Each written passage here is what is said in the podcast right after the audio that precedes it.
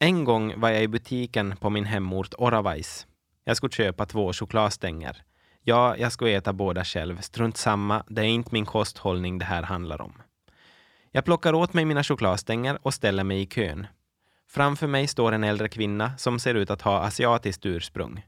Hon tittar på mig som om hon ska säga någonting och jag blir obekväm. Jag blir alltid obekväm då någon ska prata med mig, men samtidigt så utgår jag också ifrån att jag måste prata engelska eller kanske finska. Igen, jag behöver inte stå till svars för hur min hjärna fungerar. Det är inte det det här handlar om. Så plötsligt säger hon, på det mest dialektalt korrekta sättet jag någonsin har hört. Nej men no får du full gaffyr i kön om du har så det litet i handel. Min värld förändras, fast den egentligen inte gör det. För så här har det alltid varit. Jag har växt upp bland folk av alla nationaliteter ute på landet, gått i samma klass som vietnameser, somalier och kosovoalbaner och vi lärde oss allihopa så småningom att prata svenska. Det är först när jag flyttade in till stan som jag fick fördomar. Jag heter Alfred Backa och det här är Folktingets podd, Finlands näst mesta språk.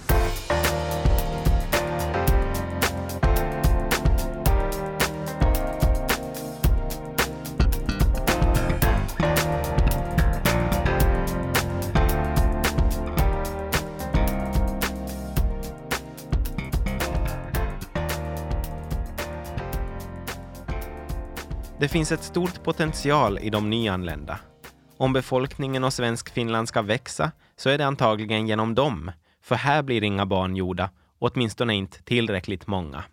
Om vi kunde bli bättre på att integrera människor på svenska så skulle det ju främja både tvåspråkigheten och det nordiska samarbetet. Clemence Habiokare är född och uppvuxen i Finland. Hennes föräldrar kom hit för 30 år sedan från Rwanda då hennes pappa fick ett stipendium från en finlandssvensk organisation. Hon är alltså en minoritet i en minoritet. För henne har svenskan vid sidan av Kinyarwanda, som talas i Rwanda, varit det språk som används i hemmet. Alltså jag gick i finsk dagis eh, för att um, alla uppmuntrade oss, eller sa till mina föräldrar att det är bättre att jag går i finsk, finska skolor på grund av att vi bor ändå i Finland. Men sen när mina föräldrar hade lärt sig redan svenska så de förstod ju inte vad vi talade. Så det blev sen sådär att okej, okay, vi måste flytta med till svensk skola. Och sen började jag där och då, och då hade jag lite kämpigare då när jag gick liksom, uh, i lågstadiet och så. Men sen lärde jag mig såklart svenska och så. Clemence studerar vid Helsingfors universitet och arbetar vid sidan om. Hon har själv också erfarenhet av städer av alla storlekar. Jag gick eh, lågstadiet och högstadiet i en mindre ort och ja, sen då gick jag Eh, gymnasiet och, och det där nu uni här i Helsingfors eh, på grund av att jag kände att jag ville ha en liten ändring och se att om, det skulle, om saker skulle bli bättre för mig om jag, om jag um, far till en större, eh, större stad. Och jag märkte en tydlig skillnad när jag började gå skolorna här att människor var här mycket mer öppnare och, och jag, kände, jag kände att här gör man någonting åt saken. Att man liksom um, vill ha en ändring. Man försöker sådär att um, vad heter det, för, um, ähm, försöka skapa ett jäm, mer jämlikt samhälle. Och, och, och det där, äh, om man ser skillnader just på en mindre ort, att där är det sådär att när man är den en, enda personen som är från en annan bakgrund, så då känner ingen ett behov av att ändra någonting, för att no, men det är bara ett litet problem. Men här har det varit så att jag har liksom um, varit med och, och fått liksom uh, vara med och, och, några kurser eller någonting, organisera något sånt, någonting sånt uh, för, för oss de som är um, av en annan bakgrund. Att jag har då varit med till exempel i SOKO som är då Students of Color och, och sånt, Together for Finland till exempel eller någonting sånt som jobbar för att det ska vara, ska vara ändringar här. Och, och det där. Um, vad jag också tänker på att um, jag har också nu till exempel börjat på en, i en eh, skönhetstävling som heter Face of African Queen. Och jag kan tänka mig att det skulle aldrig ha varit möjligt, till exempel i en mindre stad, att de skulle ordna något sånt för en. Men här är det sådär att man, man vill att visa liksom andra kulturer mera och man vill att, att uh, alla, andra, um, alla andra människor ska också lära sig av andra ställen och, och så här. Det viktigaste är väl att man hittar ett sammanhang där man passar in och kan relatera till människorna omkring sig. Det är inte så mycket en fråga om språk som det är en fråga om andras inställning och att det finns flera i samma situation. Men på tal om språk, är finlandssvenskarna mera fördomsfria än övriga här i landet? No, alltså, um, nu, jag skulle nog säga att det, alltså jag skulle inte säga att det stämmer 100 procent. Att nu finns det ju sådana undantag och så, men nu skulle jag säga att, att det mest sådär om jag får um, om jag får några kommentarer ute på gatan så inte är det någonsin någon ehm, um, finlandssvensk som har sagt det. Det är oftast då någon finsk som talar finska.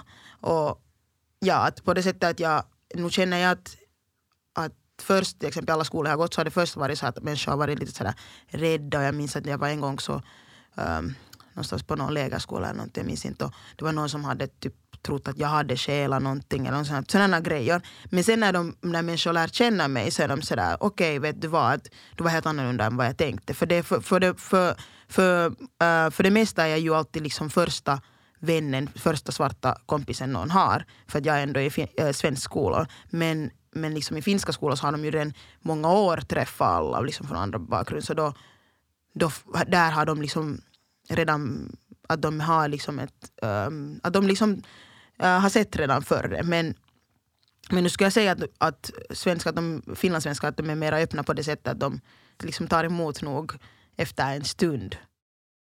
Men eh, kanske man för en gångs skull borde ta exempel någon annanstans ifrån än huvudstadsregionen. Där är ju arbetslösheten i regel högre bland folk som fötts utomlands och i vissa språkgrupper är den uppemot 60 procent. Men det finns platser som verkligen har lyckats. Ironiskt nog är en av platserna som gjort det allra mest möjligt att lära sig svenska som nyanländ också den plats där man pratar den mest krångliga svenskan, nämligen Närpes. Där träffar vi Lu Diu Thuy. Hon föddes i Vietnam och kom till Finland för nästan 20 år sedan. Hon integrerades på svenska och gick senare en grundkurs i finska. Lu tillbringade sin barndom i flyktingläger i Hongkong där hon lärde sig engelska. Idag är hon samhälls och hälsokommunikatör vid Närpes stad och hennes arbetsbild omfattar att vara tolk, rådgivare och byråkratisk stödperson för de nyanlända som kommer från Vietnam. Varför är man så bra på det här med integration i just Närpes? Uh, alltså, jag tycker att Eh, man tänker om alla individuellt um, ärende. Och vi satsar på olika um, delen och uh, vi har gått igenom alla deras svårigheter. Till exempel mitt arbete nu, att vi analyserar att invandrare har jättesvårt att kommunicera på svenska eller finska. Och den vietnamesiska gruppen är den största delen i Närpes. Så tack vare att jag arbetar den här arbete som samhälls och hälsokommunikatör, så de har mycket lättare att få kommunicera direkt sitt eget modersmål och de fattar direkt meningar. Så att det här underlättar deras integrationsprocess här i Närpes. Att se till det individuella behovet är förstås alltid viktigt. Men på vilket sätt går det snabbare i Närpes än på andra håll? Alltså till exempel om man enkel sak är att man ska ansöka efter ett FBA-kort. Tidigare så ska man ta med någon som kan hjälpa och tolka, men den tolken inte förstår riktigt vad det betyder för ett FBA-kort. Så den bara tar i hand men inte förstår vad den här kortet gäller. Men om man får någon att förklara och rätta information så att den förstår direkt vad man behöver i början då man anländer till Finland. Som med så mycket annat så handlar det om kommunikation och att inte krångla till det mera än det behöver krånglas till, alla de här processerna som man utsätts för som nyanländ i detta land. LU har arbetat med nyanlända i tre år och det är bra att en sån stödperson finns eftersom var sjätte Närpesbo kommer från utlandet.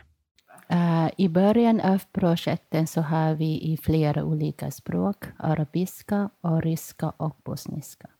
Men bosniska, så den bosnier, de klarar sig ganska bra och snabbt integrerar sig i samhället.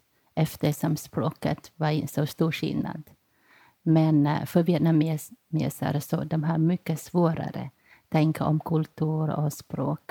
Så det är jättesvårt för dem att anpassa sig snabbt in i samhället. Närpes, precis som resten av landet, led på 90-talet av ekonomiska svårigheter. Men det var från utlandet som ny arbetskraft kom in och ett uppsving blev möjligt. Och så är det fortfarande. Som ni vet, om vi inte kan flyga in utländska bärplockare så ligger skörden och ruttnar. Vi är för dåliga helt enkelt. Vi behöver arbetskraft, för det är inte bara tomater och gurkor som växer i växthus längre. Det är både ekonomi och integration. Och det är någonting som är svårare att åstadkomma på större orter. Lu har prövat både Tammerfors och Närpes, men föredrog det sistnämnda. I ett mindre ort tycker jag att man har mycket lättare att vandra till olika lokaler och myndigheter. Och eh, med svenskar som min man har bott här ganska länge så har vi mycket lättare att kommunicera. Och jag har kunnat redan engelska så det är inte så stor skillnad mellan svenska och engelska. Men då vi flyttade till Tammerfors så det är det som här och nu man ska börja om igen. Så tycker min man att det är väldigt jobbigt. Så därför flyttade vi tillbaka. Och eh, vi har träffat några gånger otrevliga människor där mot invandrare. Så därför vi tycker att vi ska flytta till, tillbaka till Närpes. Vi känner som Närpes som våra andra hem. mm. Men det måste ju också finnas fördelar med att bo på en större ort. Annars skulle inte så många göra det. Om man tittar på en prognos gjord av tankesmedjan Magma och Folktinget så kommer de svenskspråkiga i landet att öka. Det beror främst på åldersstrukturen i kommunerna samt intern migration. Men om vi samtidigt kunde bli bättre på att integrera nyanlända på svenska så kunde ju de svenskspråkiga öka ännu mera. Ute i världen finns ju faktiskt 7,6 miljarder potentiella invandrare. Om alla de flyttade hit och lärde sig svenska så vågar jag tro att den svenskspråkiga servicen skulle vara tryggad. Men när man talar om nyanlända i svensk Finland så behöver det inte endast handla om utlandet. Raine Katajamäki föddes i en enspråkigt finsk familj och numera är han kommundirektör i Eckerö på Åland. Det är väl den längsta mentala resan man kan göra utan att lämna Finland. Men för Raine var det ett medvetet val att satsa på svenskan och integreras i den finlandssvenska kulturen. Egentligen är det ganska sällan jag talar, talar finska, i synnerhet eftersom jag bor här på Åland så, och, och hemma så talar vi svenska. Så det har nog varit en ganska stor förändring för mig uh, när jag tänker lite så här bakåt. Han växte upp i Esbo och tyckte om att lära sig svenska i lågstadiet. Men i högstadiet blev det lite annorlunda.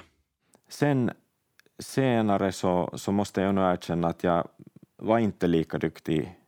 Uh, vi, vi talade nog aldrig, aldrig hemma svenska. Jag kommer från en helt finskspråkig familj och, och också omgivningen var, var inte så uppmuntrande. Jag kommer ihåg att jag började på högstadiet så, så då var det inte så jättepopulärt att, att kunna svenska så jättebra.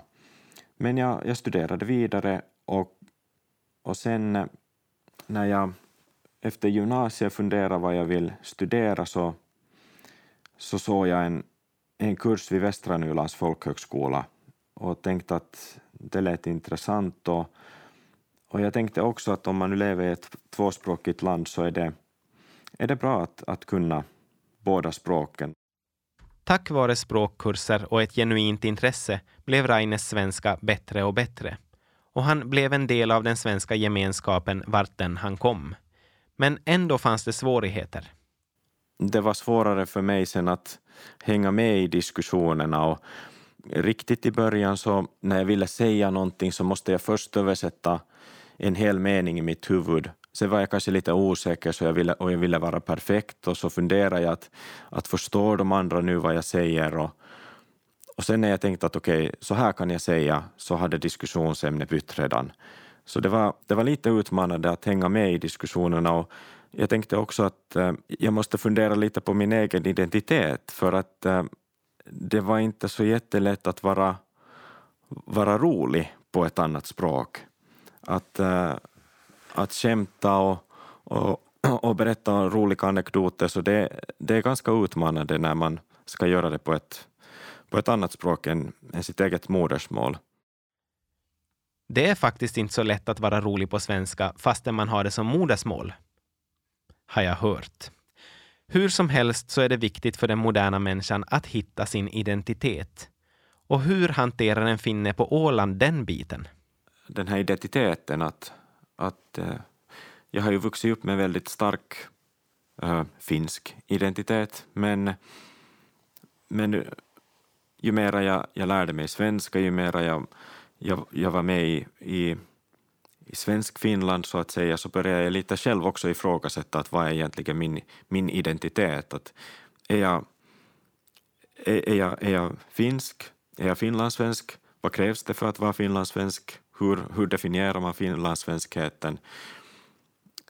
Det var ganska roligt också att fundera lite i de banorna, men sen så tänkte jag mig att, att kanske tvåspråkig är, är är den bästa beteckningen som, som, som gäller för mig. Och, och då, är, då kan man vara öppen för, för, för båda kulturer, om man, om man tänker så. Men hur svårt är det egentligen för en nyinflyttad att lära sig svenska? Det beror på.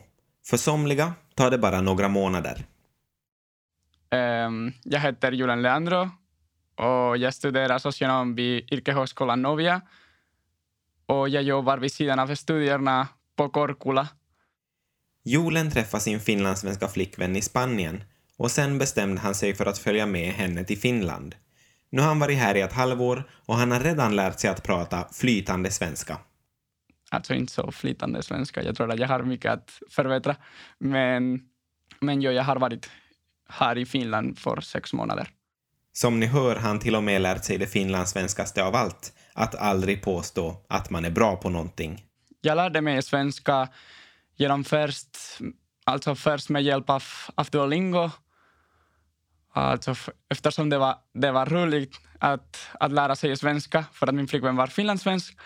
Och sen när jag flyttade till Finland och då hade jag slutat med Duolingo började jag först läsa böcker som till exempel eh, Lasse och Maja detektivbyrå och sådana. och, och genom att lyssna på radion för att man behöver veta hur, hur ett språk låter för att kunna förstå det.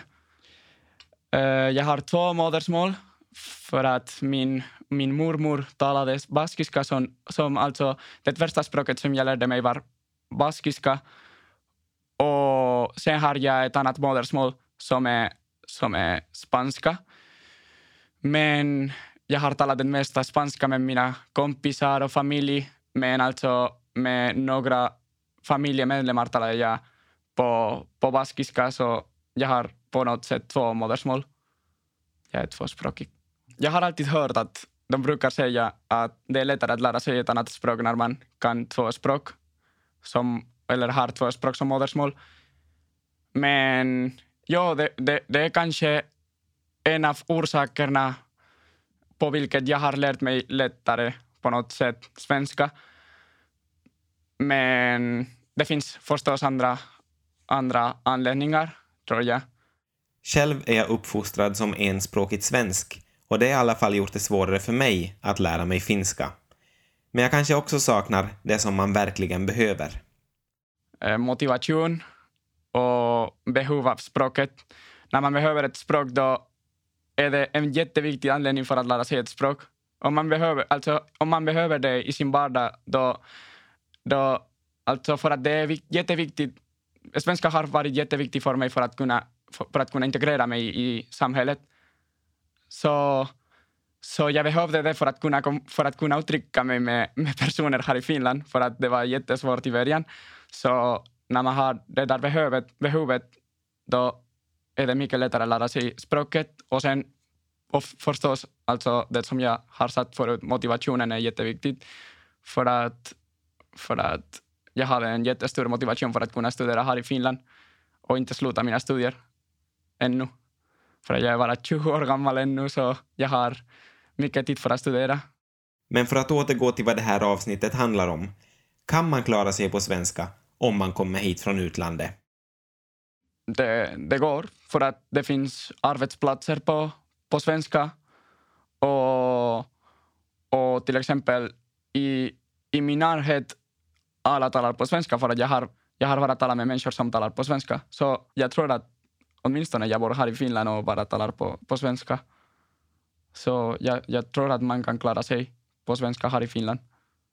Det finns förstås sådana svårigheter med, med, med andra människor som, som talar finska och vill inte lära sig svenska. för att det, det, är sådär, det är något som jag inte förstår för att det är bättre för din framtid. Du, att du har tur att du bor här i Finland och du har två språk, två officiella språk. Varför lär du inte dig de två officiella språken? Och du lär dig bara finska och du vill glömma bort det svenska som du har lärt dig på skolan. Bara för att det är så är svenska. Det är vår fiendespråk på något sätt. Det är något som jag inte fattar. Men ja, det finns säkert mycket som vi, infödda finländare, aldrig kommer att förstå av nyanländas situation och syn på vårt land. Men vissa saker är faktiskt exakt likadana oavsett varifrån man kommer. Jag skulle få eh, upp, uppehållstillstånd, heter det så? Uppe, jag skulle få uppehållstillstånd och jag gick till, till polisstationen för att få den. Och det står där på, alltså på, en, på en reklam att man kan uttrycka sig på det språket man vill. Jag kunde inte ens uttrycka mig på svenska för att den där personen talade inte svenska. Och jag kunde inte uttrycka mig på engelska för att min flickvän var bredvid mig och hon talade hela tiden med henne på finska istället för att tala direkt med mig på engelska. Så alltså, först problemet är att, att jag får till polisstationen. Det står att man kan uttrycka sig på det språket man vill. Jag vill uttrycka mig på svenska, men den där personen talar inte svenska och sen den där personen talar med min flickvän på finska. Att förändring kommer inifrån har vi hört i leda. Men när vi talar om svensk Finland så kommer utvecklingen utifrån. Även om finlandssvenskarna kan bli flera på det gamla beprövade sättet så är det också genom inflyttning som vi växer i antal. Om det kan löna sig att bli integrerad på svenska på samma vis som det gör i till exempel Närpes så ska vi alla vinna på det. Det är utifrån förändringen kommer, men vi måste vara redo att ta emot den när den kommer. Vi har helt enkelt inte råd att vara främlingsfientliga. Det här var Finlands näst mesta språk.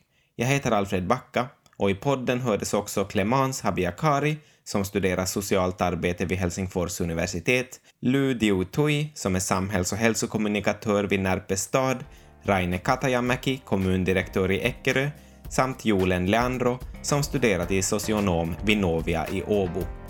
Serien produceras av Paradmedia för Folktinget.